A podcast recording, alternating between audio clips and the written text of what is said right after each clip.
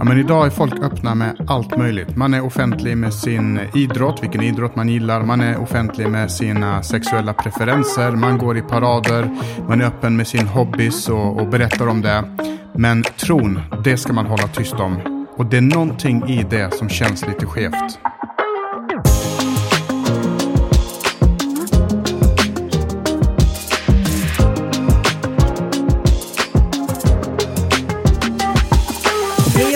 Välkommen till Tro och livsstil. Det är Irena som pratar här. Och Heman också med här. Ja, och så roligt att du är här med oss och lyssnar på den här podcasten. Jag tror att vi kommer ha en riktigt skön stund tillsammans där vi faktiskt ska fortsätta och prata om just vad tro är för någonting. Mm, precis, om du är helt ny till den här eh, podcasten så är, det, eh, är vi också det, på- att säga.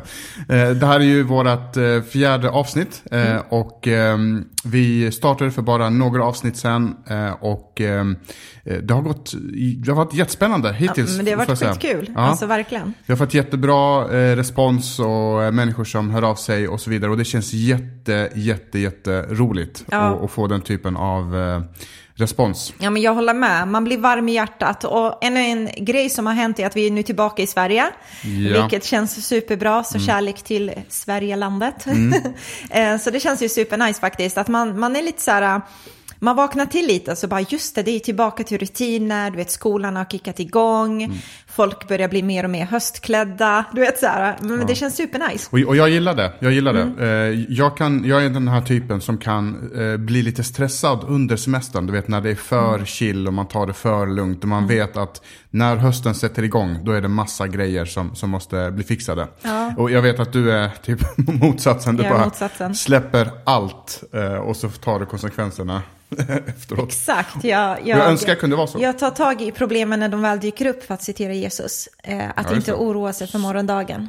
Så du är mer lik Jesus än vad jag är. Ja. Jag bara skojar. Men, eh, nej, men jag fattar, vi är verkligen olika där. Men jag tror för att du är så att du kan typ jobba 365 dagar uh, året runt. Ja, det är 365 dagar, men hela tiden. Mm. Jag trivs inte, alltså jag tycker inte om det. Att, att jobba så mycket. Nej, Eh, och nu låter det som att jag jobbar jättemycket. Men jag, jag jobbar inte också. 365 dagar om året, det gör jag inte. Alltså jag tror faktiskt att om vi hade snittat på det så skulle du nog göra det.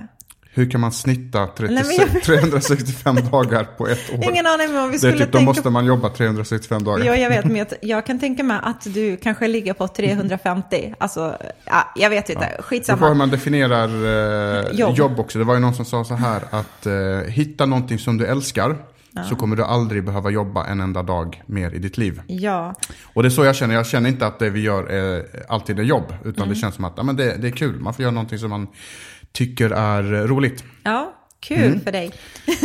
jag bara skojar. Nej men det är superbra.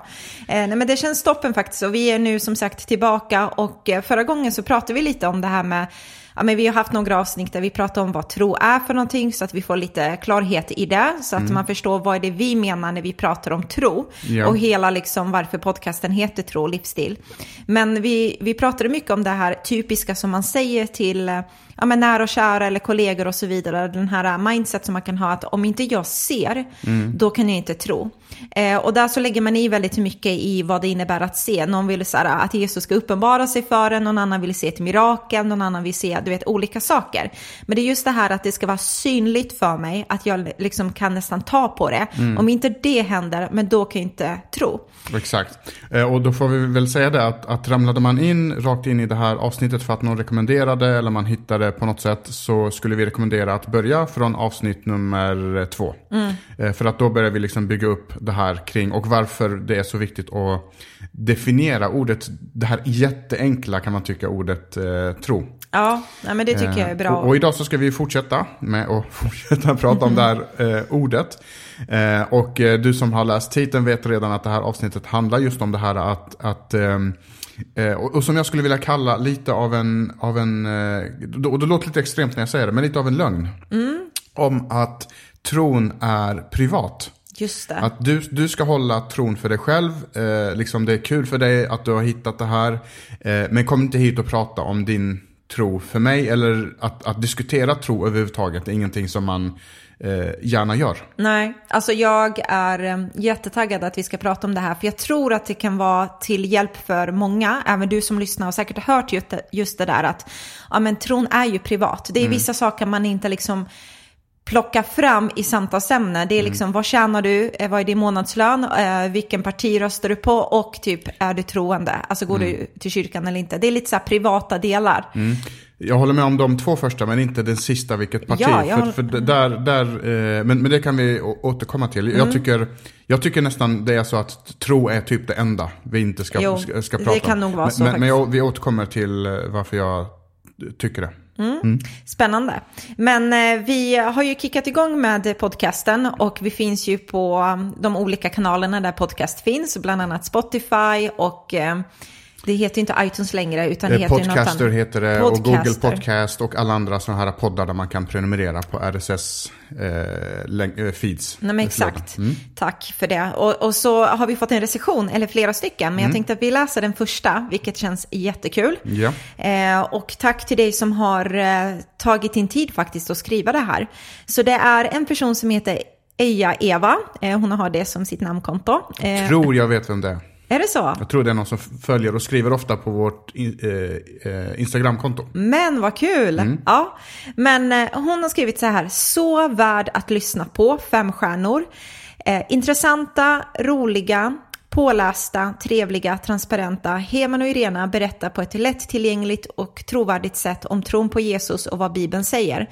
Jag har följt deras förra podd med stor behållning. Rekommenderar verkligen tro och livsstil till lyssnare i alla åldrar. Mm. Eh, så jättetack för att du som sagt tog dig tiden att skriva ner det här. Jag vet att det här är till hjälp för andra. Även om det är väldigt fint att få höra det här personligen så, så gör vi det här för att vi vill att andra ska få se att det här är en podd som är värd att lyssna på. Ja, exakt. Det, det är som sagt det är jätteroligt att höra och det, det, det värmer. Men huvudsyftet med att eh, vi vill att folk ska skriva de här recensionerna, det är att vi vill att den här podcasten ska synas bland eh, icke-kristna poddar. Eh, och eh, just nu är det den, vad jag vet, den, en av de få, kanske den enda i, i vissa, vissa veckor som, mm. som finns där bland... Eh, Topp 10. Eh, precis, i eh, kategorin, vad heter det? religion och andlighet. Exakt. så personer som är intresserade av det. och får man väl, vi ber också om, och det här är en så här frimodig bön, att det ska synas bland liksom hela Sverigelistan. Alltså mm. inte bara religion och andlighet, utan personer som kanske inte visste att det där var något de var intresserade av och sen så får man väcka nyfikenheten. Ja, så när man skriver en recension eller ger ett betyg både på Spotify eh, och eh, på, i Podcaster så hjälper det till. Så att Därför kommer vi tjata om det här ja. kommande podden. Ja, men det gör vi. Och du som inte har liksom hunnit skriva eh, eller visst om värdet av det, du får jättegärna göra det faktiskt. Eh, ge podden den betyg du tycker den förtjänar och skriv gärna någonting som du tror kan vara intressant för någon som är ny där och håller in podden.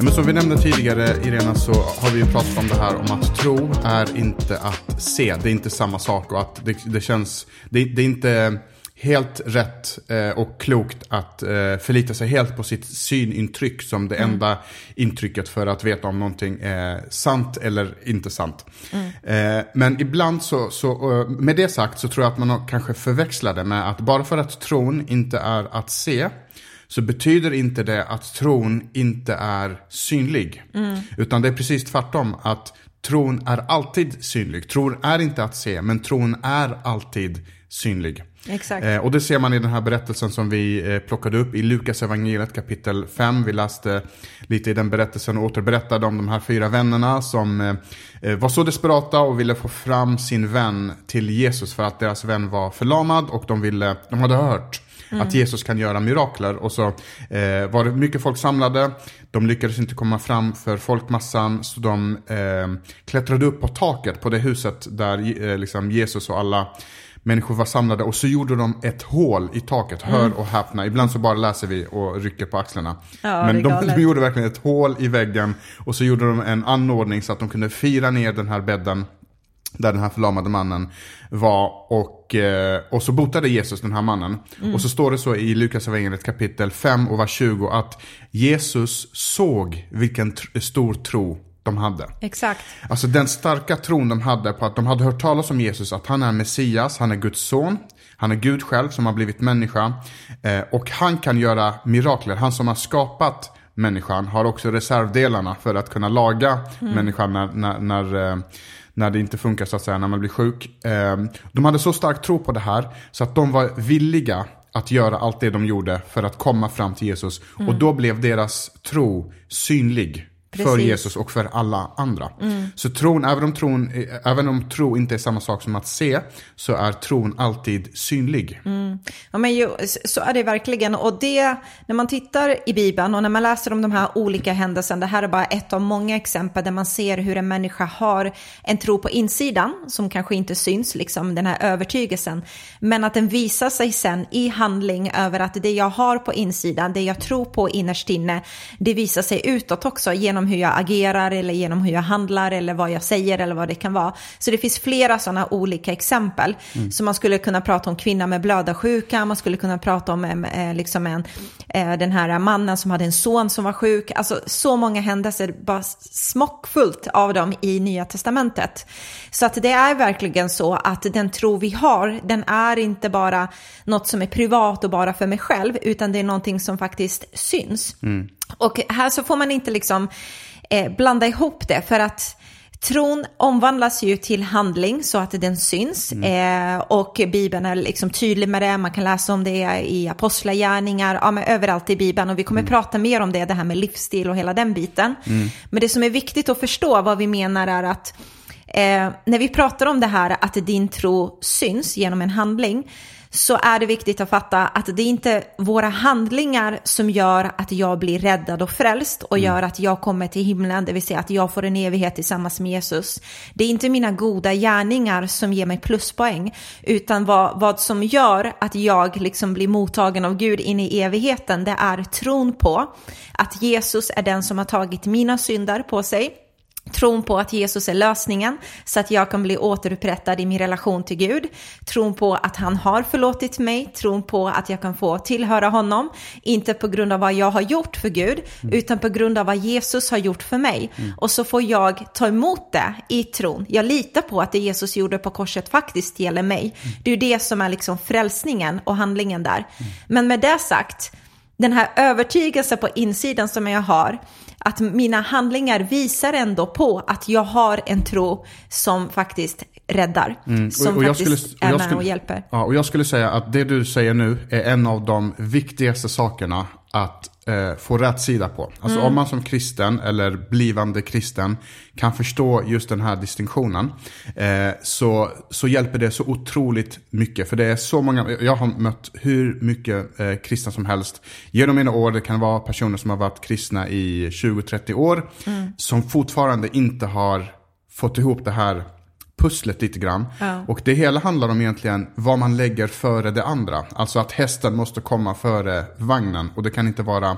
tvärtom. Mm. Eh, och hästen i det här fallet är just att Jesus har dött för mina synder. Mm. Jag lyckades inte leva upp till Guds standard själv så Jesus var tvungen att dö för mig.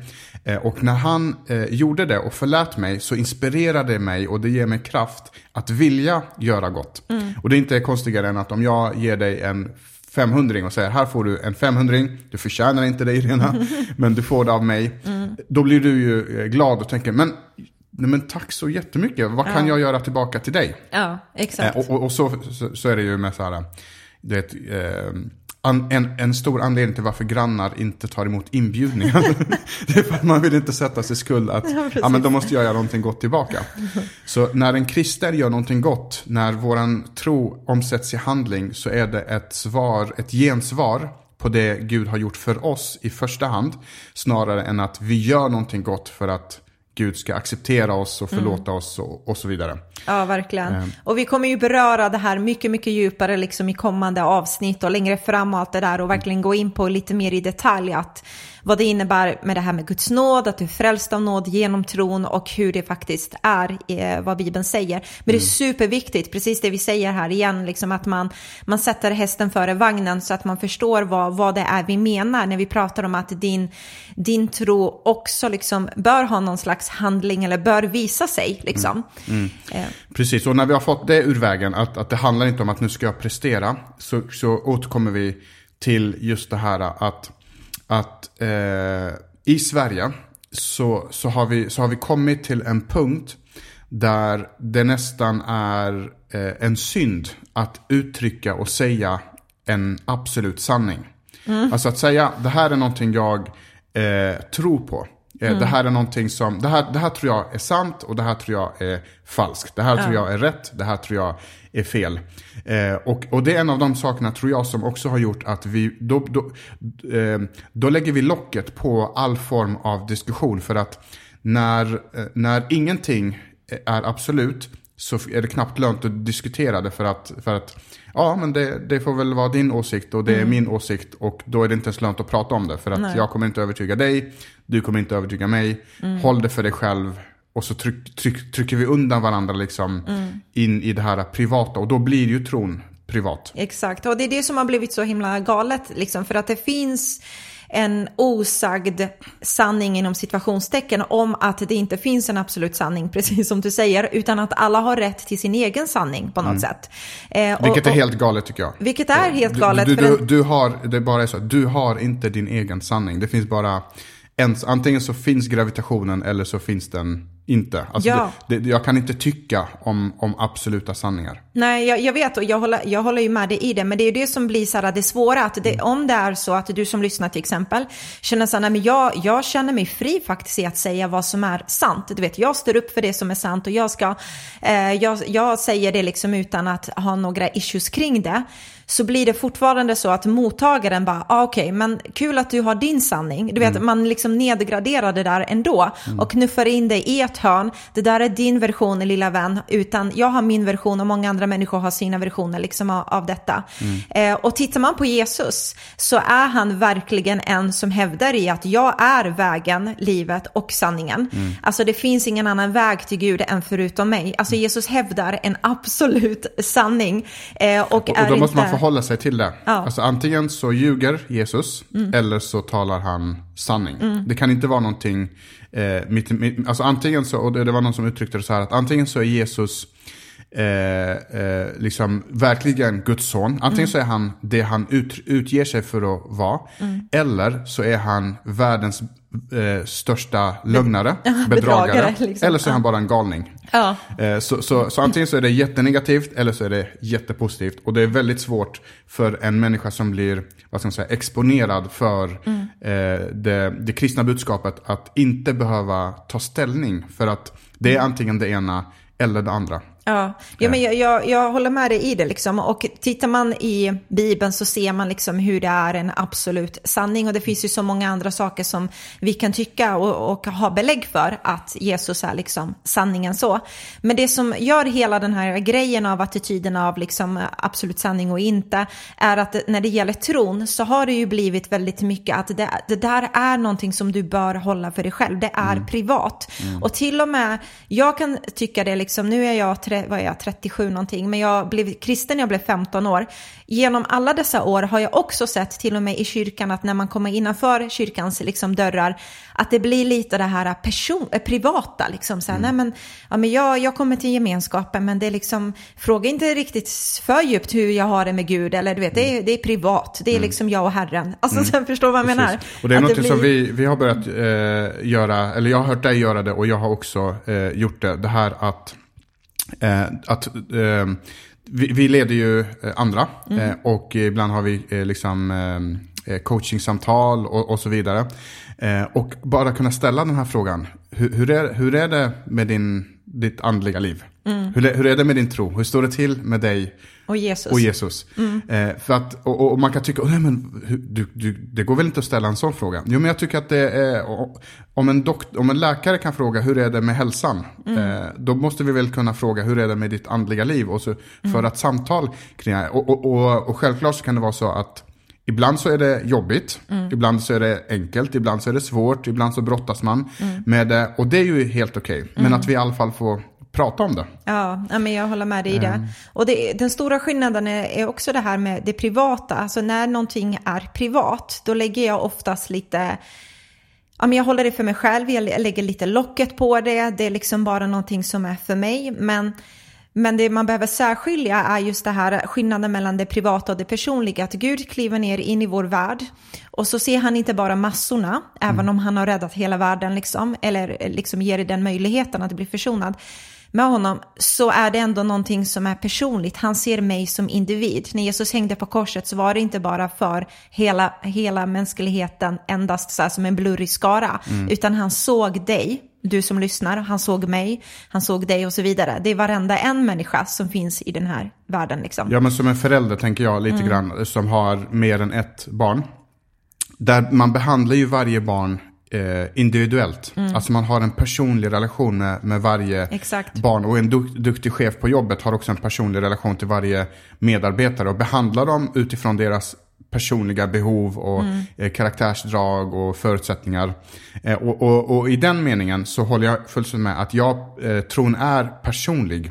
Eh, liksom jag, har, jag har min tro för att jag har haft min resa tillsammans med Gud. Vi har, jag har min personliga relation mm. till, till eh, Jesus. Och så precis som, som, du säger att det är inte samma sak som att den då måste vara privat. Exakt. Alltså att någonting är personligt och att någonting är privat inte, inte samma sak. Mm. Och, och, som jag nämnde förut, i alla de här berättelser som man kan läsa om i Nya Testamentet så visar Jesus att tron inte är privat, utan i allra högsta grad så är den offentlig. Mm. När Jesus gjorde vissa mirakler så, så fick han till och med säga, men gå inte iväg och gör det här nu, för min tid är inte ännu. Liksom. Så springer den här personen och bara gör det offentligt och visar för alla, kolla vad, vilket under han har gjort för mig. Mm. Och det är någonting det där som jag tycker är intressant, det här personliga mötet med Jesus som gör att du vill bli offentlig med det. Mm. Vi har så många stories med en kvinna som fick sitt liv totalt förvandlat. Hon gick till en hel stad och började berätta. Ni måste få höra om den här mannen som totalt har gjort någonting för mig. Just det, alltså, en, en berättelse i Bibeln alltså. Ja, mm. exakt. Så vi, vi kommer återkomma mer i detalj om det här med livstidsdelen. Jag märker så här att jag liksom går åt det hållet. Mm.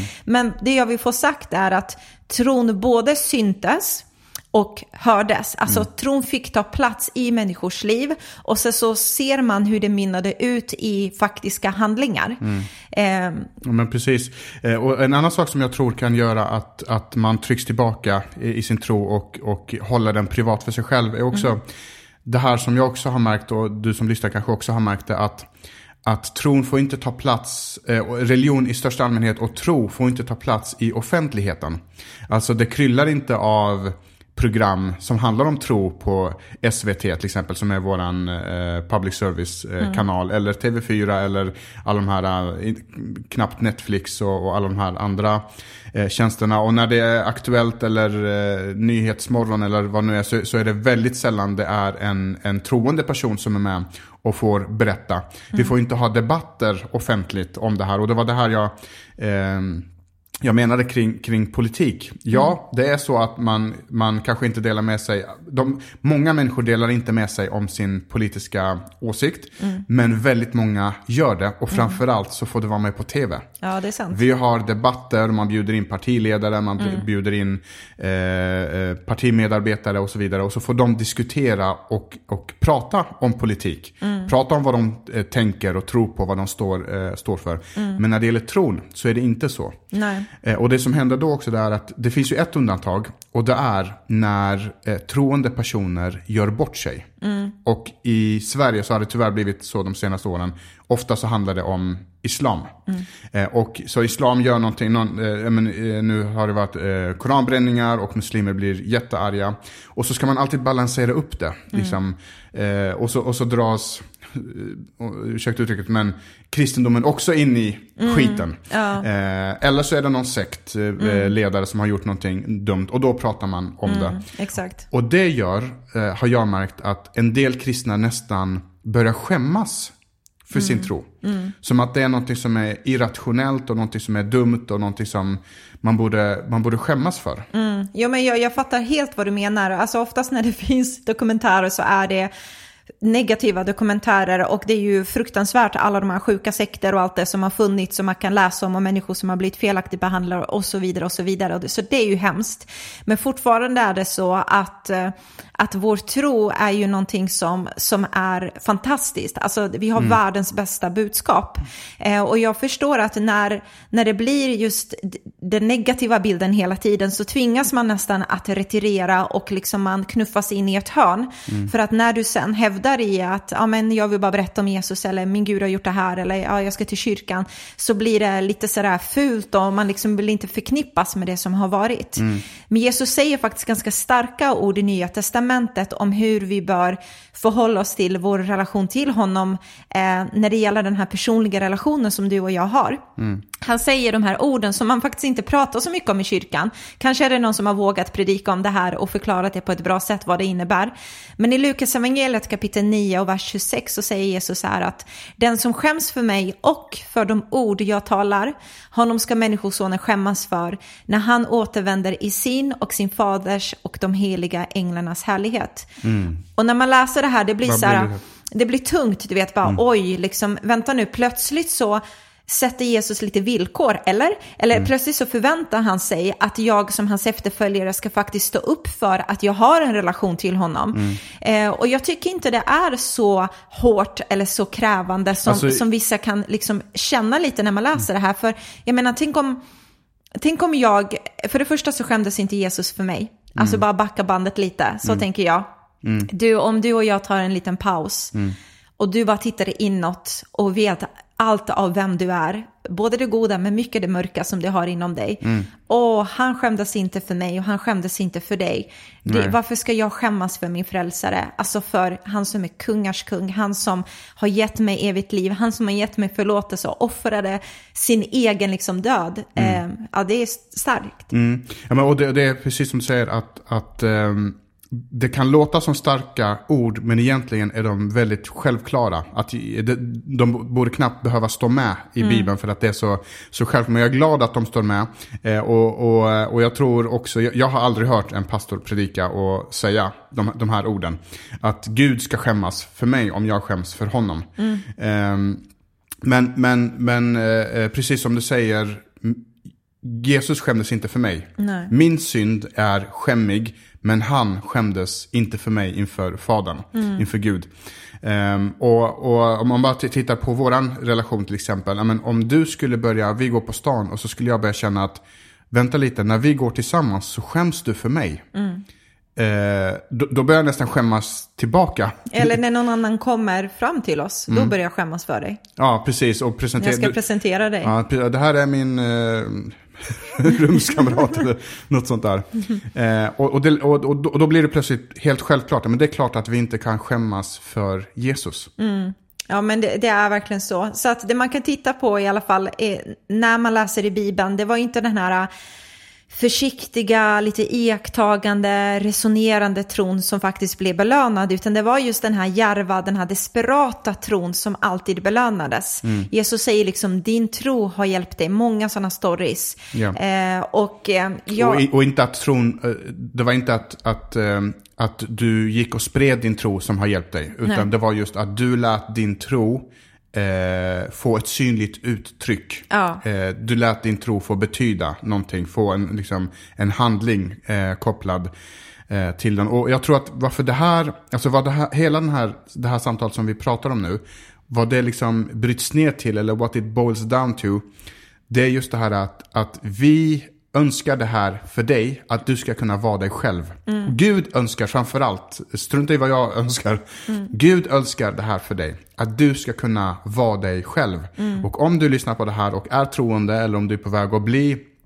eh, en troende, eh, så, eh, så är det något av det bästa man kan få uppleva. Mm. Att fullständigt vara sann mot sig själv och vara sig själv, eh, både hemma, med, med sin familj, med sina vänner, men också ut i det, i det offentliga. Mm. Det finns ingenting värre än att tvingas retirera och vara fängslad i sin egen person, liksom, i sin egen Mm. eh, kropp på något sätt. Så, det, så det, i slutändan lite det det handlar om också. Ja, absolut. Jag tycker det är så viktigt det du säger faktiskt, att vi önskar det för dig och jag tror man behöver alltid peppa varandra, påminna varandra om det här att du ska kunna vara eh, dig själv i liksom, men är du, men älskar du hockey eller älskar du fotboll eller älskar du liksom Jesus, Dataspel eller- dataspel, Jesus, så ska det kunna liksom presenteras att det är hela du, du är hela det där paketet och Mm. tron är egentligen in, ingen hobby, det är liksom kärnan i allt i ditt liv. Ja, Eh, och och det- det, och det är borde också- vara det mest naturliga att snacka om. Ja, och det är också en sån grej som också så här kan ibland störa mig. Inte, inte att det sker, men att, att, det, att, att resultat, att varför ska tron då bli privat? Och det är just den här äh, grejen att folk är öppna med allt möjligt idag. Alltså folk är öppna med vilken idrott de utövar, eh, politisk åsikt, eh, vilka hobbys man har. Man är till och med öppen med sina sexuella preferenser och sin sexuella läggning. Och man går i parader och man gör alla de här sakerna och är helt öppen med någonting som jag tycker är min, min, eh, mina sexuella preferenser för mig är privata. Men i vårt samhälle så har det blivit liksom upp till ytan med, med allting. Allt förutom en enda sak. Eh, och det är det här liksom med, eh, med tron. Ja, man ska Den- vara tyst. Den ska man vara tyst om. Så du kan spela fotboll, du kan spela golf, du kan tycka om go-kart, du kan tycka om, eh, sa jag golf igen, eh, du kan, eh, liksom vad du än vill, eh, liksom har för intressen så ska du kunna vara öppen med dem. Men med din tro så måste du, Ja, men jag, jag håller med dig i det. Alltså det är någonting som är helt skevt med det. Mm. Och jag tänkte på, jag bara tänkte på en grej när du, när du sa go-kart, för det fick mig att... Nu, vi tar en liten sån här äh, sidogrej nu. Jag måste bara berätta, för det var så himla sjukt. På, på tal om att vara öppen och offentlig och allt möjligt liksom.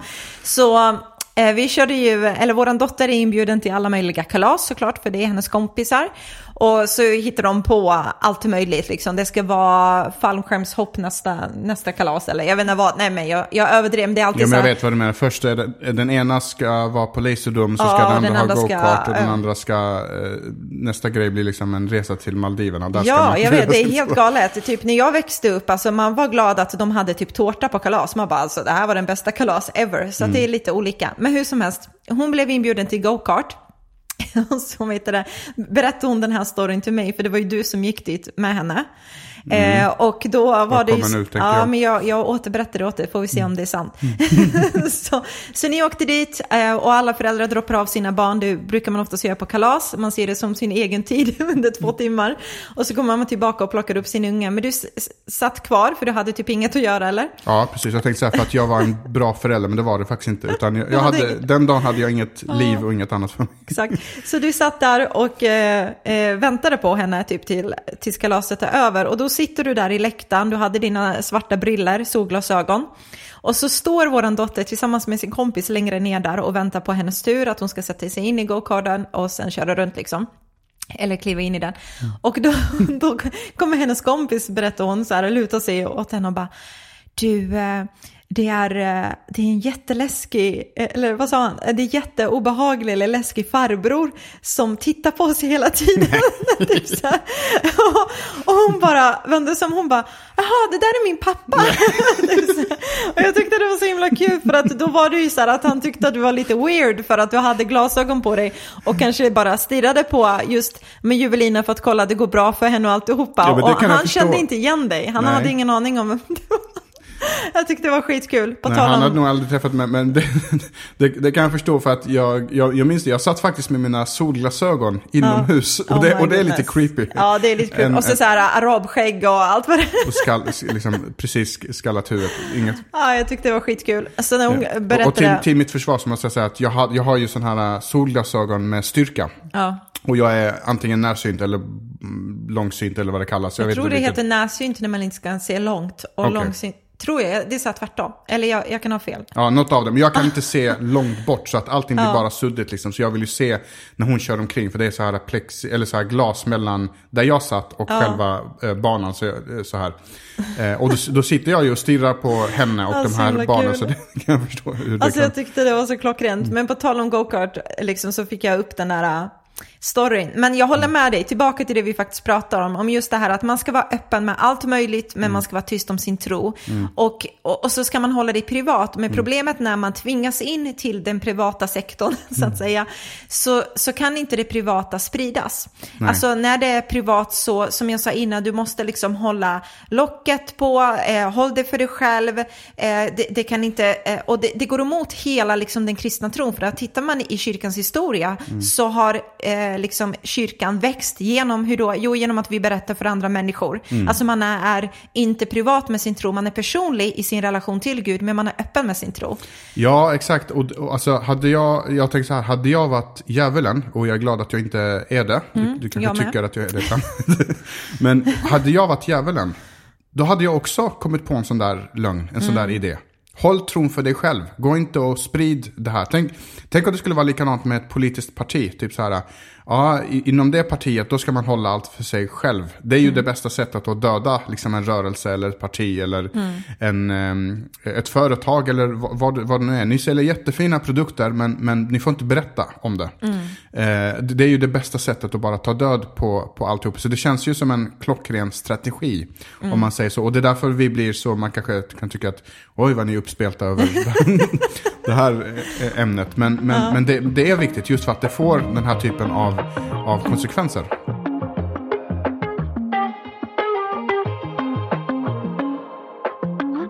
Ja, men jag, jag tycker nästan vi ska så här lugna ner oss lite för att vi är väldigt uppspelta och det kanske, jag vet inte om det här program, eh, avsnittet blev lite negativt men Nej. eh, om vi ska, ja men så här, det är inte privat, det är inte det här, det är inte det här, men vad är det då?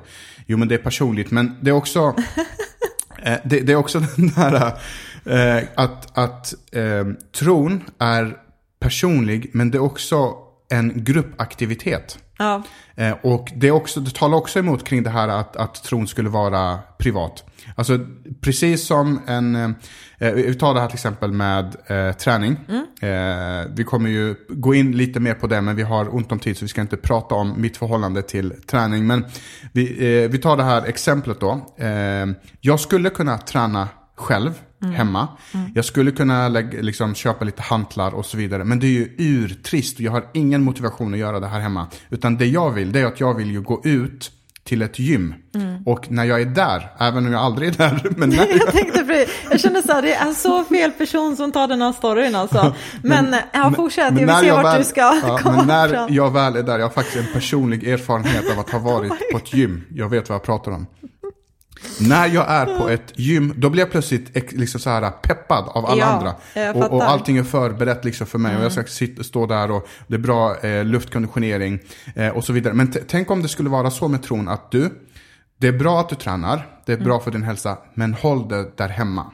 Håll det för dig själv, gör det inte tillsammans med andra. Mm, ja, men jag fattar helt, även om du är fel person att nämna det där, så, så förstår jag helt vad du menar. Men det, nej, seriöst, det är ju verkligen så. Alltså när, när nu tillbaka till träningsstoryn, liksom, storyn, att när man går och tränar så ser man andra komma igång och man blir inspirerad, man blir peppad och man hjälper andra att liksom hålla träningen vid liv. Och det är också så med tron, att tron är personlig, Gud har gjort någonting för mig. Men när jag kommer till kyrkan, jag kommer med i en gemenskap, så hjälper andra människor mig också i att fortsätta liksom hålla mina andliga muskler i form så att säga. Eh, och det är inte för att Gud ska bli impad av de muskler du har, så förstå mig rätt, utan det handlar om att jag behöver det för att må bra. Jag Ja. behöver en gemenskap, jag behöver eh, syskon som man säger i kyrkan, alltså någon som finns där för mig och eh, peppar mig och vägleder mig, faktiskt också berättar om, jag har gått igenom det här, men Gud har hjälpt mig genom detta eh, och också kan ge visdom och klarhet i olika saker, för livet är svårt, livet är komplext och man behöver vänner och familj runt omkring och det är kyrkan till för också. Ja, och precis som man kan få, man, man behöver bra kondition för sin fysiska kropp, så behöver man också bra andlig ko- kondition. Ja. Eh, för att när livet händer, alltså eh, den dagen jag behöver vara i form, är inte den dagen jag kan bli i form rent fysiskt. Exakt. Utan jag måste ha förberett det under eh, lång tid. Och det är precis samma sak med, med andlighet. Att jag behöver, jag behöver vara i god andlig form. Inte varje dag och liksom att det blir prestation och att, att, eh, att eh, det blir elitism och så, och så vidare. Men, men jag tror ändå liknelsen är bra. En, ett, ett annat sätt att se det på, eh, en, en bild, eh, och varför vi behöver gemenskap och, och kunna dela vår tro med andra i smågrupper eller eh, cellgrupper eller lifegrupper eller vad det heter och i kyrka. Det är den här bilden av en brasa. Eh, och i en brasa så, så, så kan vi värma varandra. Och när, när, när jag, jag och du är olika kolbitar och så går vi tillsammans med andra kolbitar i den här brasan. Då kan vi värma varandra och så blir den här eh, glöden hetare och hetare hela tiden. Men vad händer om du tar en kolbit och flyttar den från den här brasan och lägger den åt sidan? Exakt. Den kolbiten kommer svalna med, med tiden. Och det är, just, det, där, det är just därför vi behöver det där. Även om människor kan vara knepiga ibland och, och, och kyrkor kan vara knepiga och, och allt vad det nu är. Så behöver vi varandra för att hålla den här värmen och elden uppe. Absolut. Och vi kommer in på en massa andra ämnen. Just förväntan av vad kyrkan ska göra för dig och liksom gemenskapen och hela den grejen. Din egen liksom ett eget avsnitt för det också. Men ibland kan jag känna så här varför man kan bli lite, nej men äh, jag drar mig för att dra till kyrkan. Det kan vara olika saker, men ibland kanske man har en för stor förväntan att under en och en halv timme då ska du liksom hitta din soulmate, eh, din soulmate du ska hitta liksom din BFF, du ska hitta, ja men du ska ha de starkaste gudsmötena som kommer revolutionera ditt liv, du ska se alla änglar som finns i himmaväsendet och du ska få de djupaste andliga uppenbarelser i Bibeln. Och det, allt det där ska ske under en och en halv timme och när det inte sker då känner du så här, äh, det var inte så kul. Jag tror man behöver ha lite rätt liksom, förväntan av vad, vad är kyrkan till för och varför ska jag gå till, till en kyrka och vara en del av en gemenskap. Men vi kommer snacka mer om det där längre fram också. Man blir inte jättemuskulös och får toppkondition av att besöka gymmet en gång. Alltså, jag vet vad jag nice. pratar om. Du har varit med om det? Nej men du, det här avsnittet börjar bli lite långt. Ja. Eh, eh, ska vi inte bara avsluta med, ehm, eh, och jag vet inte om du är förberedd för det här, men du får en utmaning av mig Irena. Är du, är du redo för en Alltså, utmaning? jag säger alltid ja innan jag vet vad utmaningen är, så jag säger kör. Okej, jag- det jag vill att du Ingen gör. aning. Det jag vill Jag att kan inte säga nej. Ja. Nej, men då får du, ja, vi får se hur bra det går det här. Eh, jag, det jag skulle vilja, det är att du ger tre tips. Hur gör man nu då? Alltså, jag, jag vill inte att min tro ska vara privat. Mm. Den är personlig, den är inte privat. Hur gör jag för att inte ha en privat tro, utan liksom vara lite mer öppen med den? Mm. Tre, tre saker vill jag ha. Okej, jag får tänka tre sekunder. Ja, vi kan klippa lite i... Eh, nej, men, eh, vi, nej, men det första jag tänker på faktiskt är ehm, en grej som kanske låter helt självklar, men som är väldigt viktig att påminnas kring. Och det är att göra din tro till en naturlig del i ditt liv. Alltså det behöver inte vara så revolutionerande när du säger till grannen så här, ja, men vad ska du? Nej, men jag ska faktiskt till kyrkan och sen kan vi väl ta en liten kopp kaffe efteråt. Eller vad det nu än kan vara för situation. Alltså det är en naturlig del av vem du är. Eh, att läsa Bibeln är en naturlig del, liksom, även om man kan tycka det är knepigt ibland eller vad det nu kan vara, eller vissa har lätt för det. Men gör tron till en naturlig del i ditt liv. Och en ganska bra förebild i det är faktiskt vår egen dotter. För jag tycker det är så intressant hur barn är. Barn har ännu inte blivit förstörda, vill jag ändå säga, av det här, oj vad kommer den tycka om mig och hur kommer det här uppfattas? Utan de är väldigt så här, oskyldiga och rena i sina tankar om att nej men det här är väl självklart. Liksom, man tänker inte på att det finns en värld av så många människor som kommer liksom lägga så många labels på dig om du säger ett och två. Eh, Så en händelse var bara sådär att eh, en granne plingade på hos oss eh, och ville snacka lite och då var du och jag i kyrkan. Eh, Och för våran dotter så är det en naturlig del i våra liv att vi är kristna, att mamma och pappa och hon går till kyrkan och så vidare. Just den här gången var hon hemma för hon var redan med på en gudstjänst på förmiddagen. Men i alla fall, så hon öppnar dörren och så säger grannen så ah, är mamma och pappa hemma? Så säger hon så här, nej men de är inte hemma, okej. Vet du när de kommer tillbaka? Ja, de är i kyrkan just nu, men eh, de kommer nog tillbaka, ja, det. jag vet inte, om en timme ungefär. Han bara, ah, okej, liksom. Och jag tror det är kanske första eller andra gången grannen får höra från faktiskt vår egen dotter, jag har inte ens hunnit säga det, eh, om att vi går till kyrkan och vi är liksom troende. Och så frågar jag henne så här, men hur gick samtalet till? För jag var ju jättenyfiken. Hon bara, nej, jag bara sa att ni gick till kyrkan. Jag bara, bara sådär? Hon bara, eh, ja. Bara- och så inser man så här, oj, så naturligt och så enkelt det kan vara. Och han Lika naturligt, en- som att, lika naturligt som att jag eh, var på bio eller jag Ja. Så, just det. Och vad har Precis. du för nummer två då? Okej, nummer två är att eh, våga vara dig själv. Alltså våga vara den du är och då hela liksom paketet. Eh, Jesus är det mest viktigaste för mig, om jag pratar utifrån mig själv. Och då kan man inte liksom respektera det så får man väl respektera att man inte är överens med mig om det. så, eh, man behöver inte tycka som jag, men man behöver respektera min tro. Liksom. Och så tänker jag om andra människor också. Även om Ja. jag inte håller med dig i din, i din synsätt så respekterar jag dig och så våga vara dig själv. Ja, men den, den var bra och eh, jag tänker också så här kring just det här att våga vara sig själv. Att har man vänner runt omkring sig där man inte kan vara sig själv, då måste man börja ifrågasätta. Vad, är det här riktig vänskap? Eh, är, är, det, är den här vänskapen bara på deras villkor? Eller kan jag få vara mig själv precis som de är sig själva? Exakt. Ja, men det är Eh, mycket absolut. bra. Och så tre nu innan vi sätter... Tre är den bästa. Eh, och tre är att eh, Gud har gett oss en hjälpare och det är den helige ande, Guds Mm. egen ande som liksom tar del i våra liv. Och jag skulle vilja tipsa dig om, känner du inte liksom, har, känner du så här, nej men jag har inte den relationen till den helige ande så vill jag liksom peppa dig för det. Men be den helige ande om vägledning.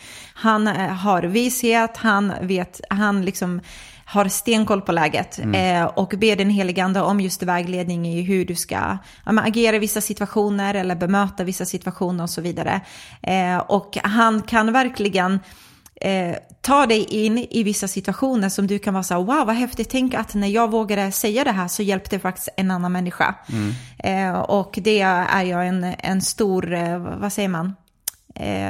Jag är för det där, att man faktiskt har den attityden att min tro är inte bara för mig själv utan det är till för andra också. Mm, superbra, jättebra. Tre tips Mm. eh, i den vi avslutar eh, så här och bara uppmuntrar varje person och ber för varje eh, person som lyssnar på det här att du ska kunna få vara dig själv. Ja. Eh, och att du ska kunna få visa vem du är fullt ut, inklusive eh, din tro. Låt det här få Exakt. vara en resa som du gör, kanske den här hösten eller kommande månaderna, att, att du vägrar vara, ha din tro privat, utan Mm. att du vill vara öppen med den. Men vi avslutar så här, eh, som sagt, dela det här med andra som behöver få lite mod till sig och förstå varför tron inte är privat utan personlig. Mm. Eh, så är vi tillbaka igen om en vecka. Det är vi. Mm. Och glöm inte att följa oss på Insta. Eh, vi finns där på Tro och Livsstil. Och ge som sagt gärna en recension så vore vi eh, superglada för det hjälper Insta andra. och Facebook. Nu avslutar vi. Yes. Tack så mycket. Hej då.